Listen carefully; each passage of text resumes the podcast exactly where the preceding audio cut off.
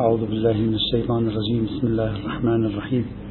الحمد لله رب العالمين وصلى الله على سيدنا ونبينا وحبيبنا محمد وعلى آله الطاهرين. ما زلنا نتكلم في الركن الثاني من أركان الاجتهاد التعليلي والمقاصد وهو عبارة عن آه، التأمل في النصوص وفهم النصوص. وما يتصل بها وما يحيط بها. قلنا بأن نظرية العلماء المسلمين قائمة على مجموعة من المفاهيم والمحاور الأساسية التي ينبغي الإمساك بها في البداية لفهم التجربة الإسلامية إلى أين وصلت ثم بعد ذلك محاولة التأمل فيها أو ربما إضافة شيء عليها أو نقدها مثلا. الركن الأول أو المفهوم الأول أو المدخل الأول هو عبارة عن مفهوم الحكمة. تكلمنا في عدة محاور عن قضية الحكمة وسرنا بها بشكل تدريجي. وصلنا إلى آخر محور بالأمس وهو عبارة عن مفهوم الحكمة بحسب تداول علماء أصول الفقه السني. ماذا يقصد علماء الفقه وأصول الفقه السني من مفهوم الحكمة عادة؟ ذكرنا آه، تعريفين أساسيين لهم في الحكمة. قارنا بين ما يفهمونه هم من الحكمة وما يفهمه أصول الفقه والفقه الإمامي من الحكمة ووجدنا توجد تداخلات وتوجد تباينات. توجد تداخلات وتوجد تباينات. هذا على مستوى مفهوم الحكمة. ماذا يفهمون هم من كلمة حكمة الحكم؟ قد تبين في الغالب يفهمون من كلمة حكمة الحكم حكمة الحكم العلة الثبوتية للحكم ملاك الحكم. سواء إدراك ملاك الحكم في حد نفسه أو إدراك ملاك الحكم كواسطة لإثبات أمر في باب القياس كما قلنا بالأمس. اليوم سنتكلم اليوم وغدا أعتقد يعني غدا الدرسي سنتكلم عن كيف تعامل الاجتهاد السني مع فكرة الحكمة في إطار استخدامها كأداة من أدوات الاستنباط. هل له طريقة كانت مختلفة عن الطريقة التي رأيناها في المشهد الشيعي أو لا؟ عندما تقول كلمة الحكمة في أصول الفقه السني مباشرة في أصول الفقه السني بوصفها أداة اجتهادية مباشرة أنت تجد نفسك أين؟ في بحث القياس. مباشرة ما يعني ما في مجال للذهاب إلى مكان آخر. أنت في بحث القياس. أين في بحث القياس؟ في بحث العلة في القياس. أين في بحث العلة في القياس؟ في عنوان اسمه التعليل بالحكمة. التعليل بالحكمة. عندهم مفهوم اسمه التعليل بالحكمة. سنرى ما معنى التعليل بالحكمة الذي يوظفونه أو اختلفوا في توظيفه في باب الاجتهاد. لكي نفهم معنى كلمة التعليل بالحكمة في باب القياس عند أهل السنة يجب أن أذكر مقدمة تتصل بالقياس نفسه. مقدمة مختصرة سريعة آه، محتاجين إليها لكي نفهم دخول فكرة الحكمة حكمة التشريع في مباحث القياس والاجتهاد عند أهل السنة. القياس عند أهل السنة يعتمد على ثلاثة أركان وهذه الأركان الثلاثة تخرج نتيجة بعضهم يعبر عنها بالركن الرابع أحيانا. عندنا شيء اسمه الأصل وهو الحكم الذي ورد النص فيه أو الدليل عليه. وعندنا شيء اسمه الفرع وهو الحالة التي نريد معرفة حكمها بواسطة القياس. وعندنا شيء اسمه العلة الواسطة الجامع. ما شئت فعبر. وهي عبارة عن صفة صفة تكون موجودة في ألف. ونعتبر أن الحكم لحق ألف. والمعيار في لحوق الحكم لألف هو هذه الصفة. وحيث أن هذه الصفة موجودة في باء فإن الحكم يلحق باء بشكل تلقائي. هذا هو القياس. إذا أصل فرع جامع أو علة ينتج عن هذه الأركان الثلاثة نتيجة اسمها حكم الفرع. عندك حكم الأصل عندك الفرع المراد معرفة حكمه عندك العلة نتيجة معرفة حكم الفرع. طيب. هذه الأركان الثلاثة الأصل الفرع العلة بحث علماء أصول الفقه السني كثيرا في شروطها. ما هي الشروط التي يجب توفرها في الأصل؟ الشروط التي يجب توفرها في الفرع. الشروط التي يجب توفرها في العلة. كثير شروط. بعض شروطها اتفقوا عليه تقريبا. كثير من هذه الشروط وقع محل نقاش فيما بينهم أيضا هم أنفسهم. نحن لا علاقة لنا الآن بالشروط التي وقع نقاش فيها كثيرة سنركز على بعض الشروط في الأصل في الفرع في العلة بعض ما اتفقوا عليه حتى نستطيع من خلاله أن نفهم ما هو دور الحكمة حكمة التشريع في موضوع الاجتهاد والقياس عندهم. مثلا سآخذ الأصل. قالوا الأصل يجب أن يكون ما في الأصل حكما شرعيا عمليا. أي شيء غير حكم شرعي ما له علاقة بالقياس. يعني إذا كان الذي في الأصل هو عبارة عن صفة خارجية شيء خارجي تكويني إذا كان الأصل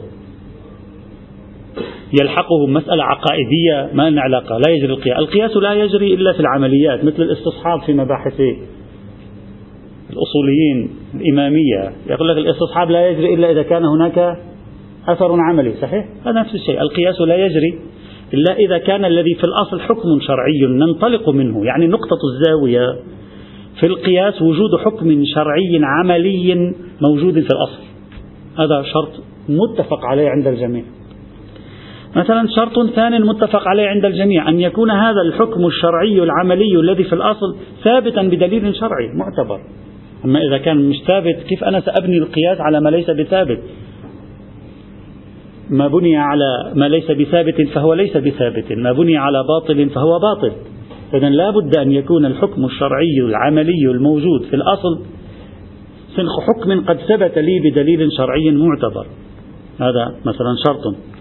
مثلا يشترط أن لا يكون منسوخا. طبيعي إذا كان منسوخ كيف تريد من حكم قد نسخ أن يؤسس حكما غير منسوخ؟ أشبه بفاقد الشيء لا يعطيه مثلا. هذا مثلا من شروط الأصل التي ذكروا. لكن من شروط الأصل التي ذكروها قالوا معقولية المعنى. يعني أن يكون الحكم أن يكون الأصل معقول المعنى. مفهوما بالنسبة إلينا. نستطيع أن نتعقله. ما معنى معقول المعنى؟ قالوا العبادات ليست معقولة المعنى. لا نفهم معناها. مثلا الأربع ركعات في صلاة الظهر ثلاث ركعات في صلاة المغرب لا أفهم معناها. ليست معقولة. العقل الإنساني لا يستطيع أن يدخلها في دائرة نشاطه. الكفارات لماذا عشرة مساكين ليس 11 مسكين؟ لماذا مثلا صيام ثلاثة أيام مش أربعة أيام؟ لا أدري. كلما حاول عقلي ليس عقلي الفردي فقط عقلي الجمعي أن يفكر لا يجد شيئا. لا أقل حتى الآن. ليس مع بعد مرور 1400 سنة ما زلنا إلى الآن لا نعقله ليس نحن فقط اليهود أيضا اللي صاروا 2500 سنة 3000 سنة هم أحكامهم اشتغلوا عليها ما عقلوها. في الأديان توجد مساحة غير معقولة. قالوا الأشياء التي هي غير معقولة هذه لا نستطيع أن نجعلها أصلا نبني عليه القياس. يعني ما في يجيب حكم في باب الصلاة ثم أجعله أصلا ثم أبني من خلاله عملية قياسية لأستنتج حكما في مكان آخر. ما أستطيع. لأن هذا الحكم الذي في باب الصلاة ما يفهم لي ما أستطيع أفهم. ما قصته؟ على ماذا يدور؟ ما هي نكتته؟ ما الخصوصية التي فيه؟ صفته حتى لا أعرفها يعني ما الصفة الموجودة في الأربع ركعات التي على أساسها جعلت؟ الأربع ركعات واجبة. لا أدري. الأبواب مغلقة أمامي. إذا خرجوا بقاعدة خرجوا بشرط. إنما يجري القياس في كل حكم موجود في الأصل في كل حكم يمثل الأصل ويكون معقول المعنى يمكن للإنسان أن يعقله. أما ما ليس بمعقول المعنى لا نجري فيه الأقيسة. لكن الآن أرجو أن ننتبه جيدا لأن هذه خطوة شيئا فشيئا ستفهمنا فكرة الحكمة عندهم. لكن طيب في العبادات عرفنا ليست معقولة المعنى. لا قالوا لا نقصد أن العبادات غير معقولة المعنى. يعني لا نعرف أغراضها الكلية. نعرف الأغراض الكلية للعبادات. القرب من الله امتثال أوامر الله الخضوع لله التذلل لله. نفهمها هذه.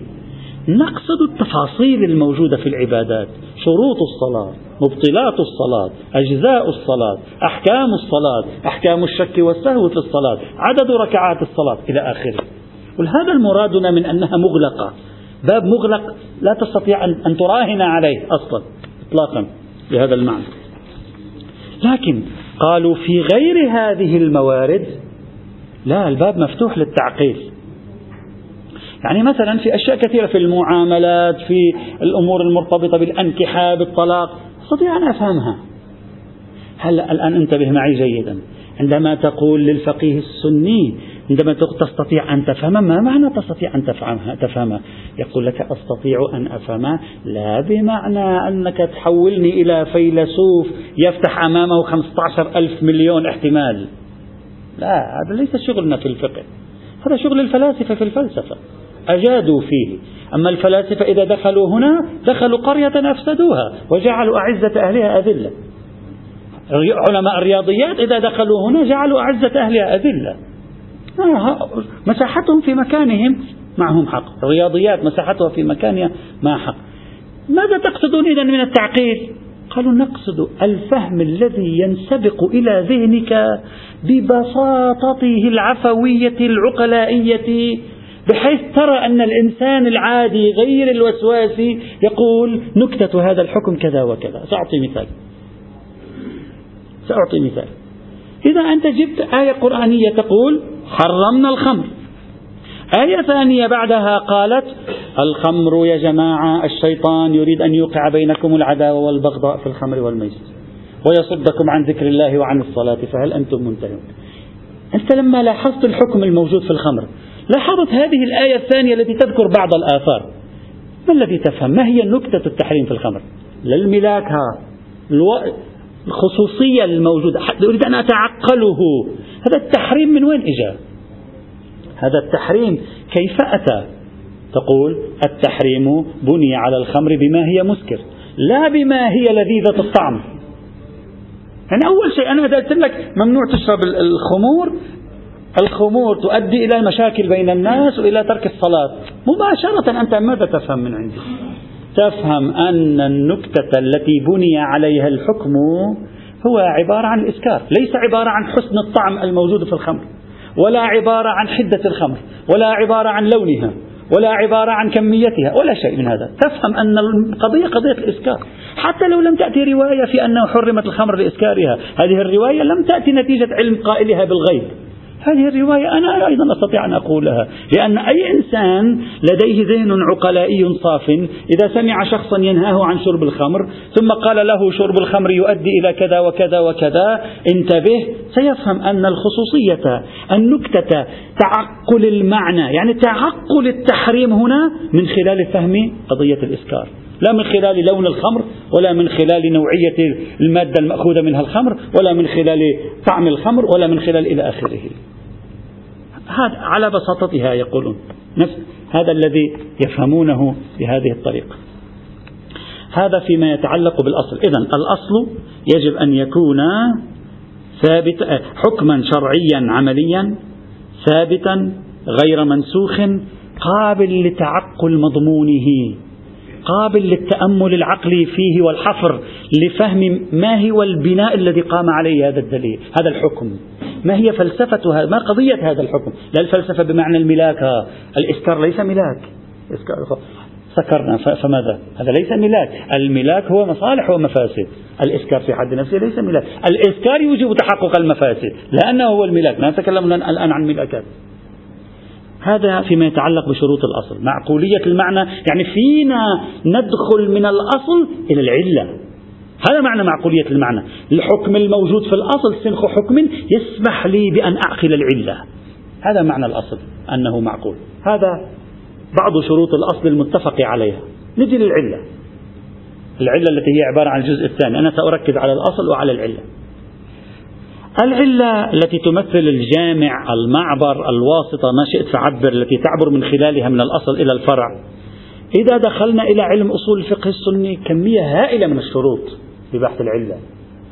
يعني عشر عشرين ثلاثين ونقاش طويل عريض في هذه الشروط.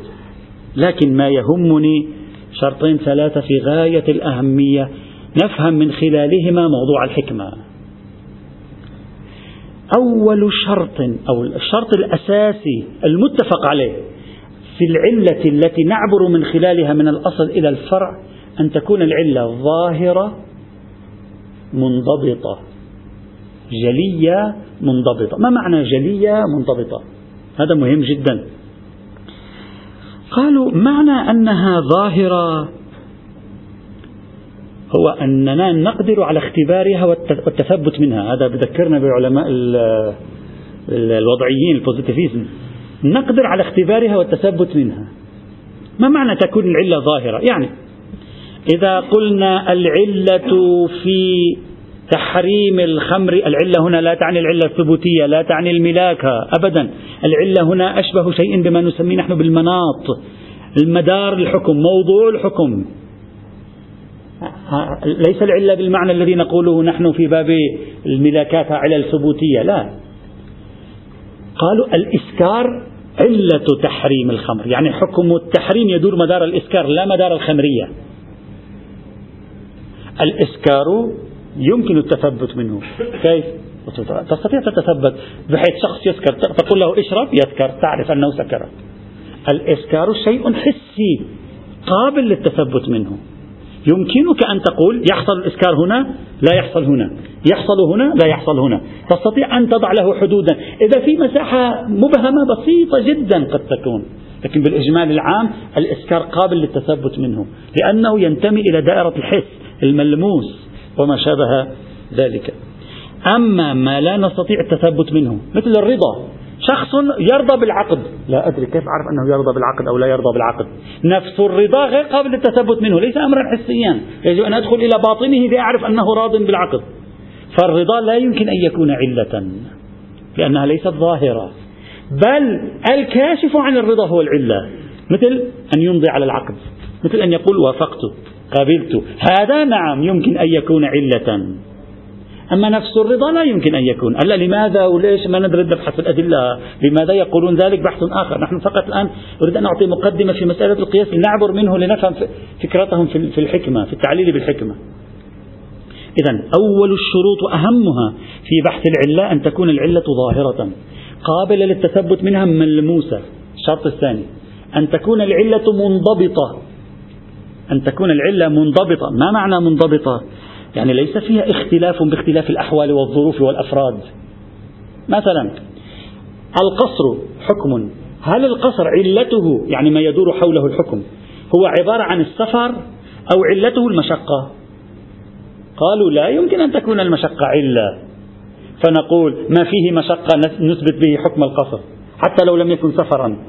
قال لا لا يمكن. يعني لو واحد مثلا يعمل مثلا في الحفر في المناجم طبيعة هذا العمل أيضا فيها مشقة. فنقول له صلاة القصر؟ لا. ولا نقول له هذا صلاة القصر. لأن العلة في الحكم بالقصر في باب الصلاة هو السفر وليست المشقة. لماذا؟ قالوا لأن السفر منضبط. تقول لو سفر 22 كيلومتر خلاص. أو مثلا 80 كيلومتر. بعض الشافعية يقولون 80 82 كيلومتر. منضبطة. تستطيع أن تقيسها تنضبط. وملموسة يعني ظاهرة. أما المشقة ليست منضبطة شو مشقة أنا يمكن يكون 10 كيلومتر بالنسبة لي مشقة. أنت 50 كيلومتر عندك ليس مشقة. شخص مرفه حسب السيارة التي ينطلق منها حسب الطائرة.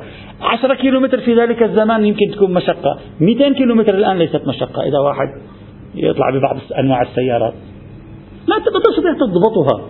إذا الشرط الثاني المهم جدا في باب العلة في القياس عندهم أن يكون إضافة إلى الظهور الانضباط.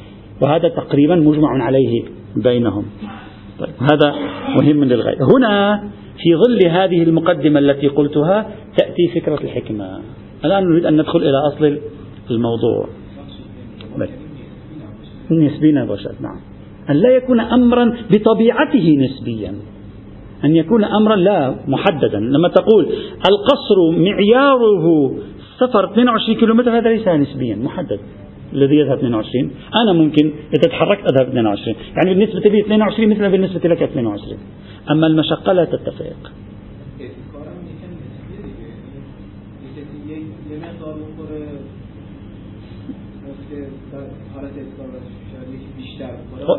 هذا إشكال عليهم. نحن لا نبحث الآن. ممكن تقول لهم هذا المثال الذي ذكرتموه عليه إشكال ذاك المثال ليس عليه إشكال بحث آخر.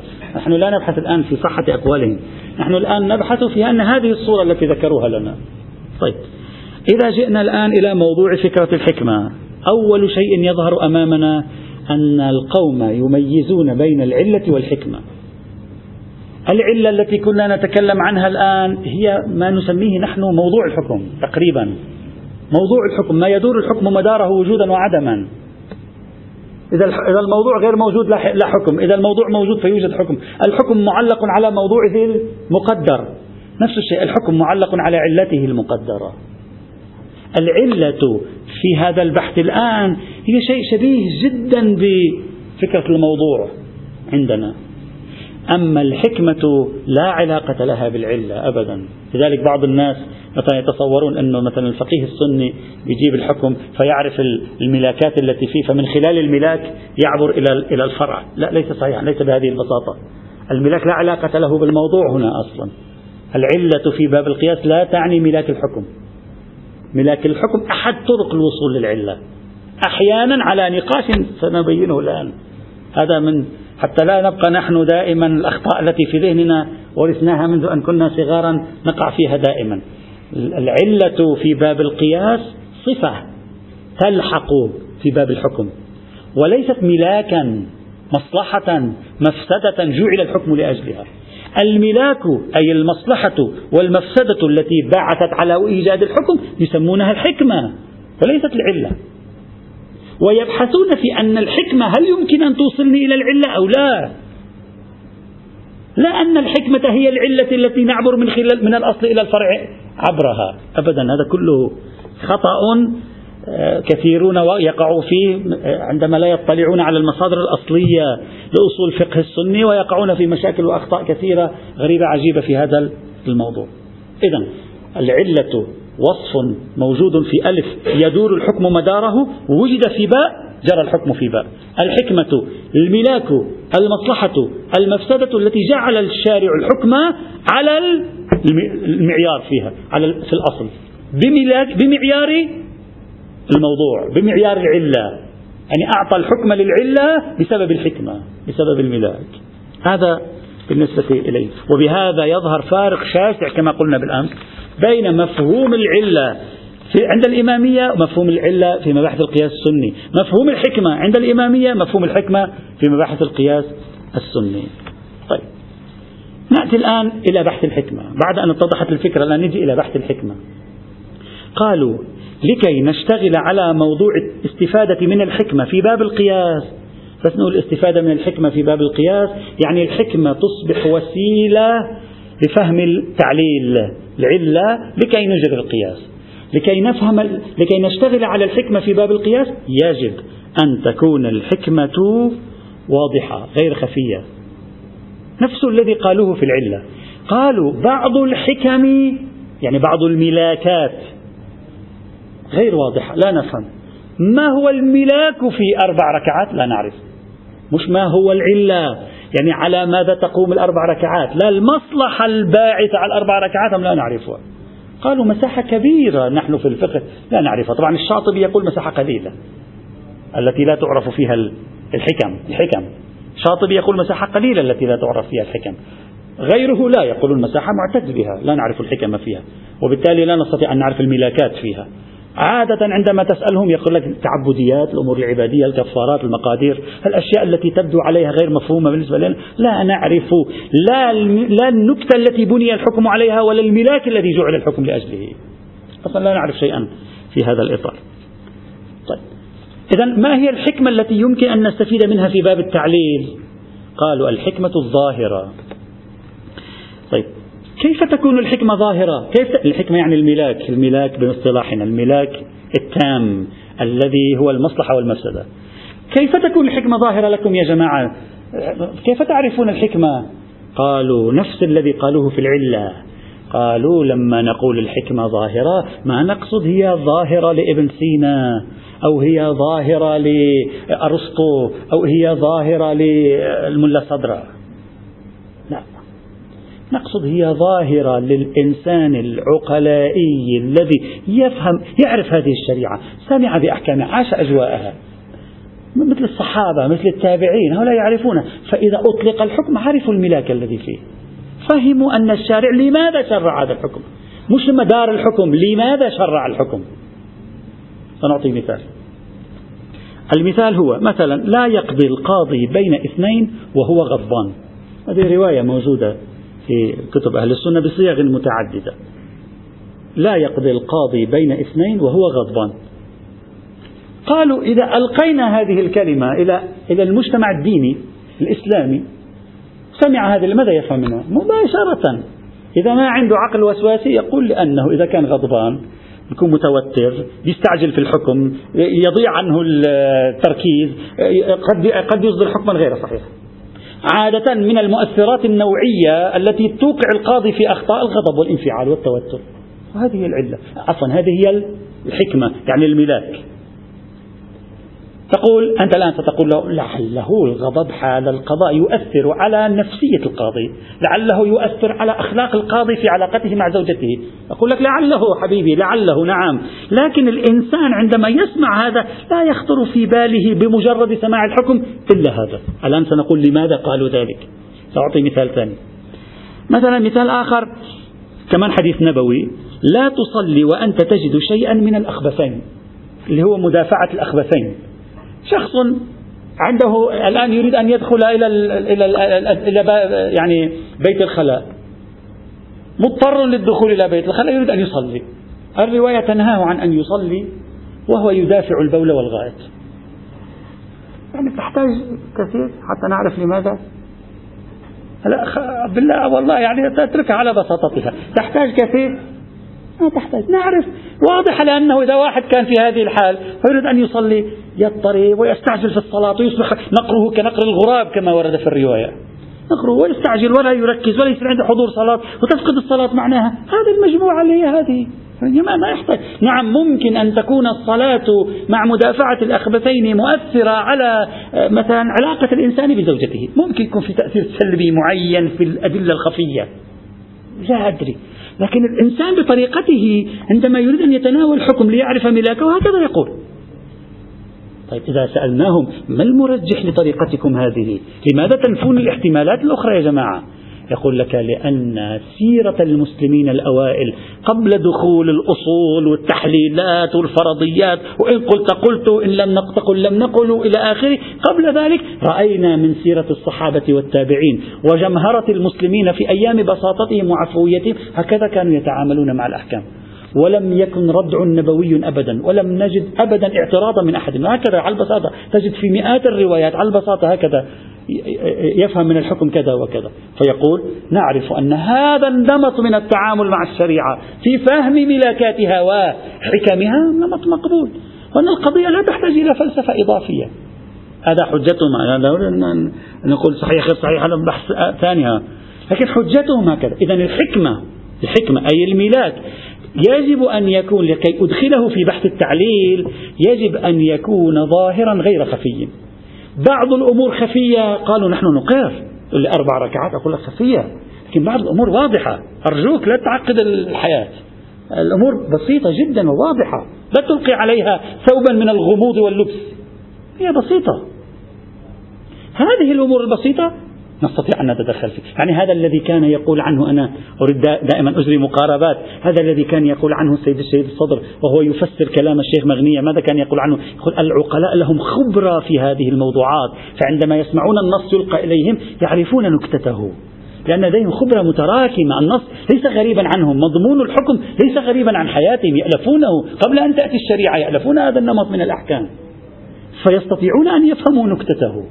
وهذا أيضا إذا أردت أن أقرب الفكرة أشبه شيء عندما يقول بعض علماء الأصول عندنا عندما يقولون نكتة هذا الحكم كذا وكذا لأن هذا الحكم إمضائي فيرجع في فهم نكتته إلى العقلاء لأنه ليس بأمر تأسيسي. هذا أيضا شبيه به. إذا هذا شبيه به أيضا. طيب بناء عليه يأتي الآن الاجتهاد السني ويقول بعض الحكم ظاهرة بعض الحكم خفية. ومعنى الظهور هو هذا الذي قلنا. شوف أنت الآن بدأت تشعر مولانا العزيز أنك أمام فضاء من التفكير مختلف تماما عن فضاء آخر. مختلف تماما عن فضاء آخر. طيب. بناء على هذه الصورة التي قدمناها الآن لموضوع الأصل الفرع العلة بعض شروط العلة دخول الحكمة التي يراد منها أن تعرفنا العلة. سنرى كيف؟ أن تعرفنا العلة. بعضها خفي بعضها ظاهر بمعنى معين للظهور. بناء على كل هذه المقدمة انقسم أصول الفقه السني إزاء إمكانية استخدام الملاكات بحسب اصطلاحنا. استخدام الحكم إزاء استخدامها في التعليل وبالتالي تصبح أداة من أدوات الاجتهاد ومعرفة الحكم الجديد. انقسموا إلى ثلاثة اتجاهات رئيسية ولعله يمكن إرجاعها إلى اتجاهين. قسم ثلاث اتجاهات مركزية في أصول الفقه السني إزاء ما يسمى بالتعليل بالعلم الحكمة. الموقف الأول وهو ما ربما يكون موقف المشهور بينهم على ما قيل وهو الذي يقول لا يمكننا التعليل بالحكمة. ما معنى لا يمكن؟ أنا عفوا أنا أكرر كثيرا لأن في بعض الأفكار أتوقع أن فيها لبس ما معنى التعليل بالحكمة؟ مش نجعل الحكمة علة لا. بمعنى من الحكمة نكتشف العلة من الحكمة نفترض وجود علة معينة الحكمة تكون طريق إلى العلة أو نجعل الحكمة علة. مش بالضرورة فقط جعل الحكمة علة. التعليل بالحكمة إما جعل الحكمة علة أو جعل الحكمة طريقا إلى معرفة العلة. الفريق الأول ولعله المشهور أغلقوا وقالوا ما فينا نحن نستخدم القياس بواسطة الملاكات. أن تجي أنت تقول لي أنا عرفت ملاك الحكم والباعث على الحكم وعرفت المصلحة والمفسدة من الحكم فإذا أنا أسر الحكم إلى حالة أخرى. قالوا لا هذا لا يمكن. ونسب إلى الأكثر هذا الكلام. بل الآمدي في كتابه الإحكام في أصول الأحكام يصرح بأن هذا قول الأكثر. يصرح بأن هذا قول الأكثر في بحثه هنا. لماذا الاجتهاد السني لم يقبل بذلك؟ في شوية عملية معقدة الآن يعني ليست معقدة لكن شوية تحتاج إلى تأني وصبر. السنة قالوا تعودوا تعودوا على أن كل نظام القياس آه، إمبراطورية القياس حقيقة في عندنا إمبراطوريات في الاجتهاد. مثلا الاستصحاب عندنا إمبراطورية. ما معنى إمبراطورية؟ يعني عبارة عن جسم ضخم أخطبوطي له تفريعات وله قدرة على النفوذ في أبواب كثيرة يعني والبحث فيه يبدأ هذه السنة وينتهي بعد سنتين. هو أصلا دولة قائمة بنفسها الاستصحاب عندنا. حقيقة دولة قائمة بنفسها بحث الاستصحاب.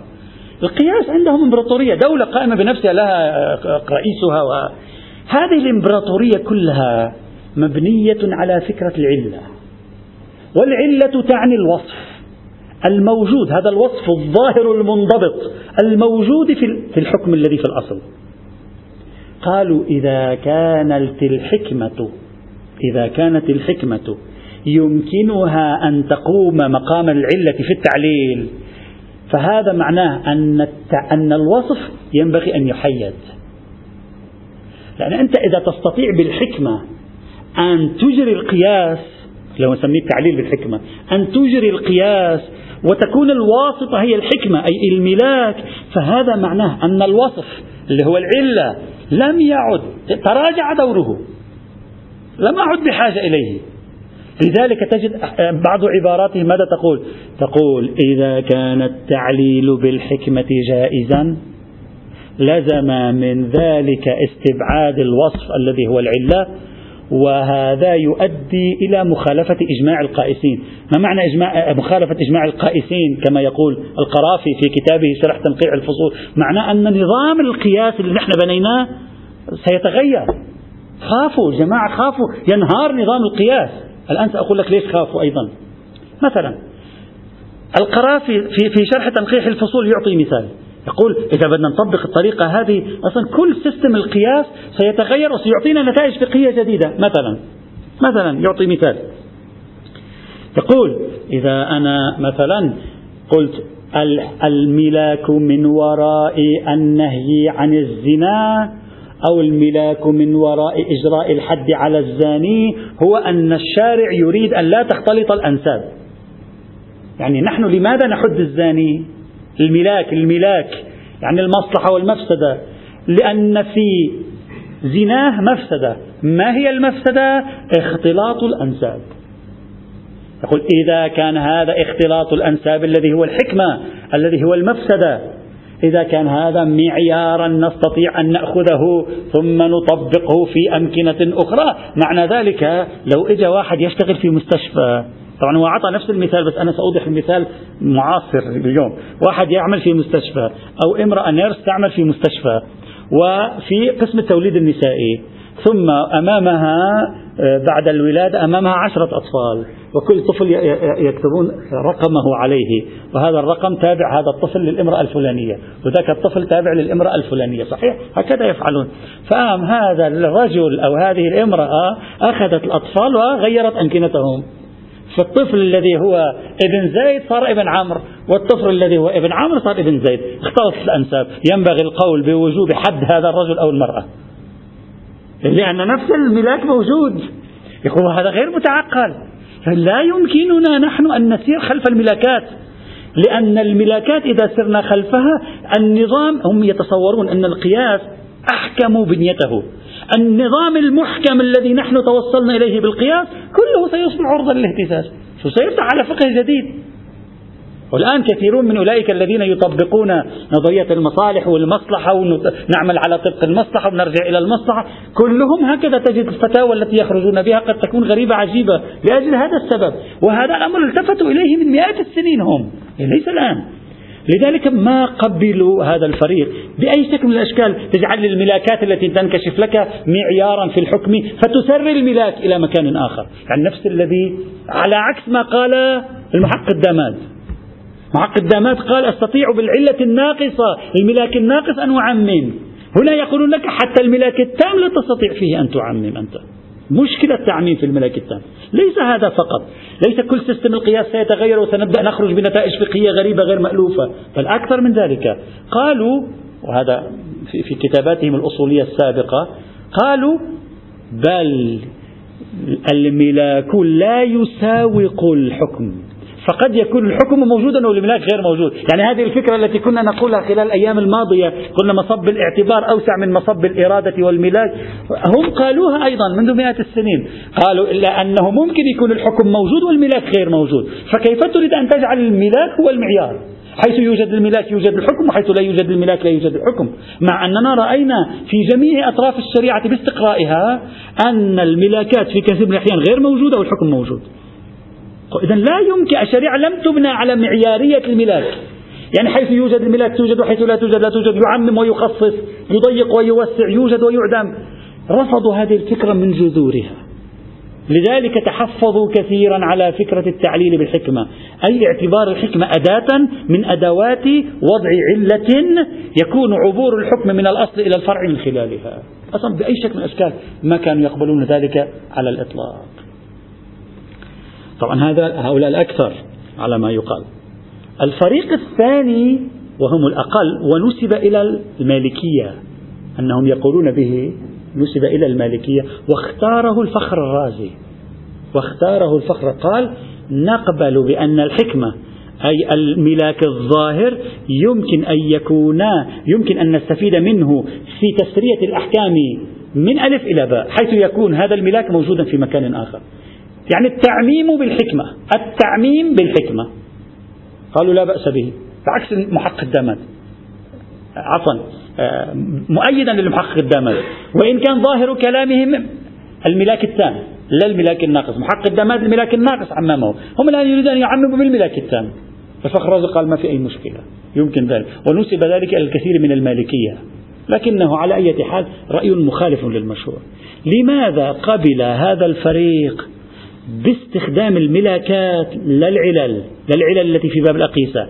يعني باستخدام الآية الثانية اللي تقول العداوة والبغضاء في الخمر والميسر. يعني أنت صارت الآية الثانية هي المعيار لثبوت أحكام جديدة. كل ما يلزم منه العداوة والبغضاء فهو حرام.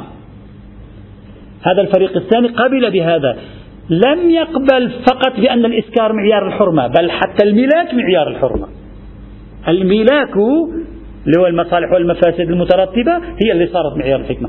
ما هو الوجه الذي دفعهم إلى أن يقبلوا بالملاك معمما على الأقل معمما يسمحون من خلاله بإصدار الحكم على الفرع؟ سنرى إن شاء الله غدا بعد آخر الأسبوع. الحمد لله رب العالمين.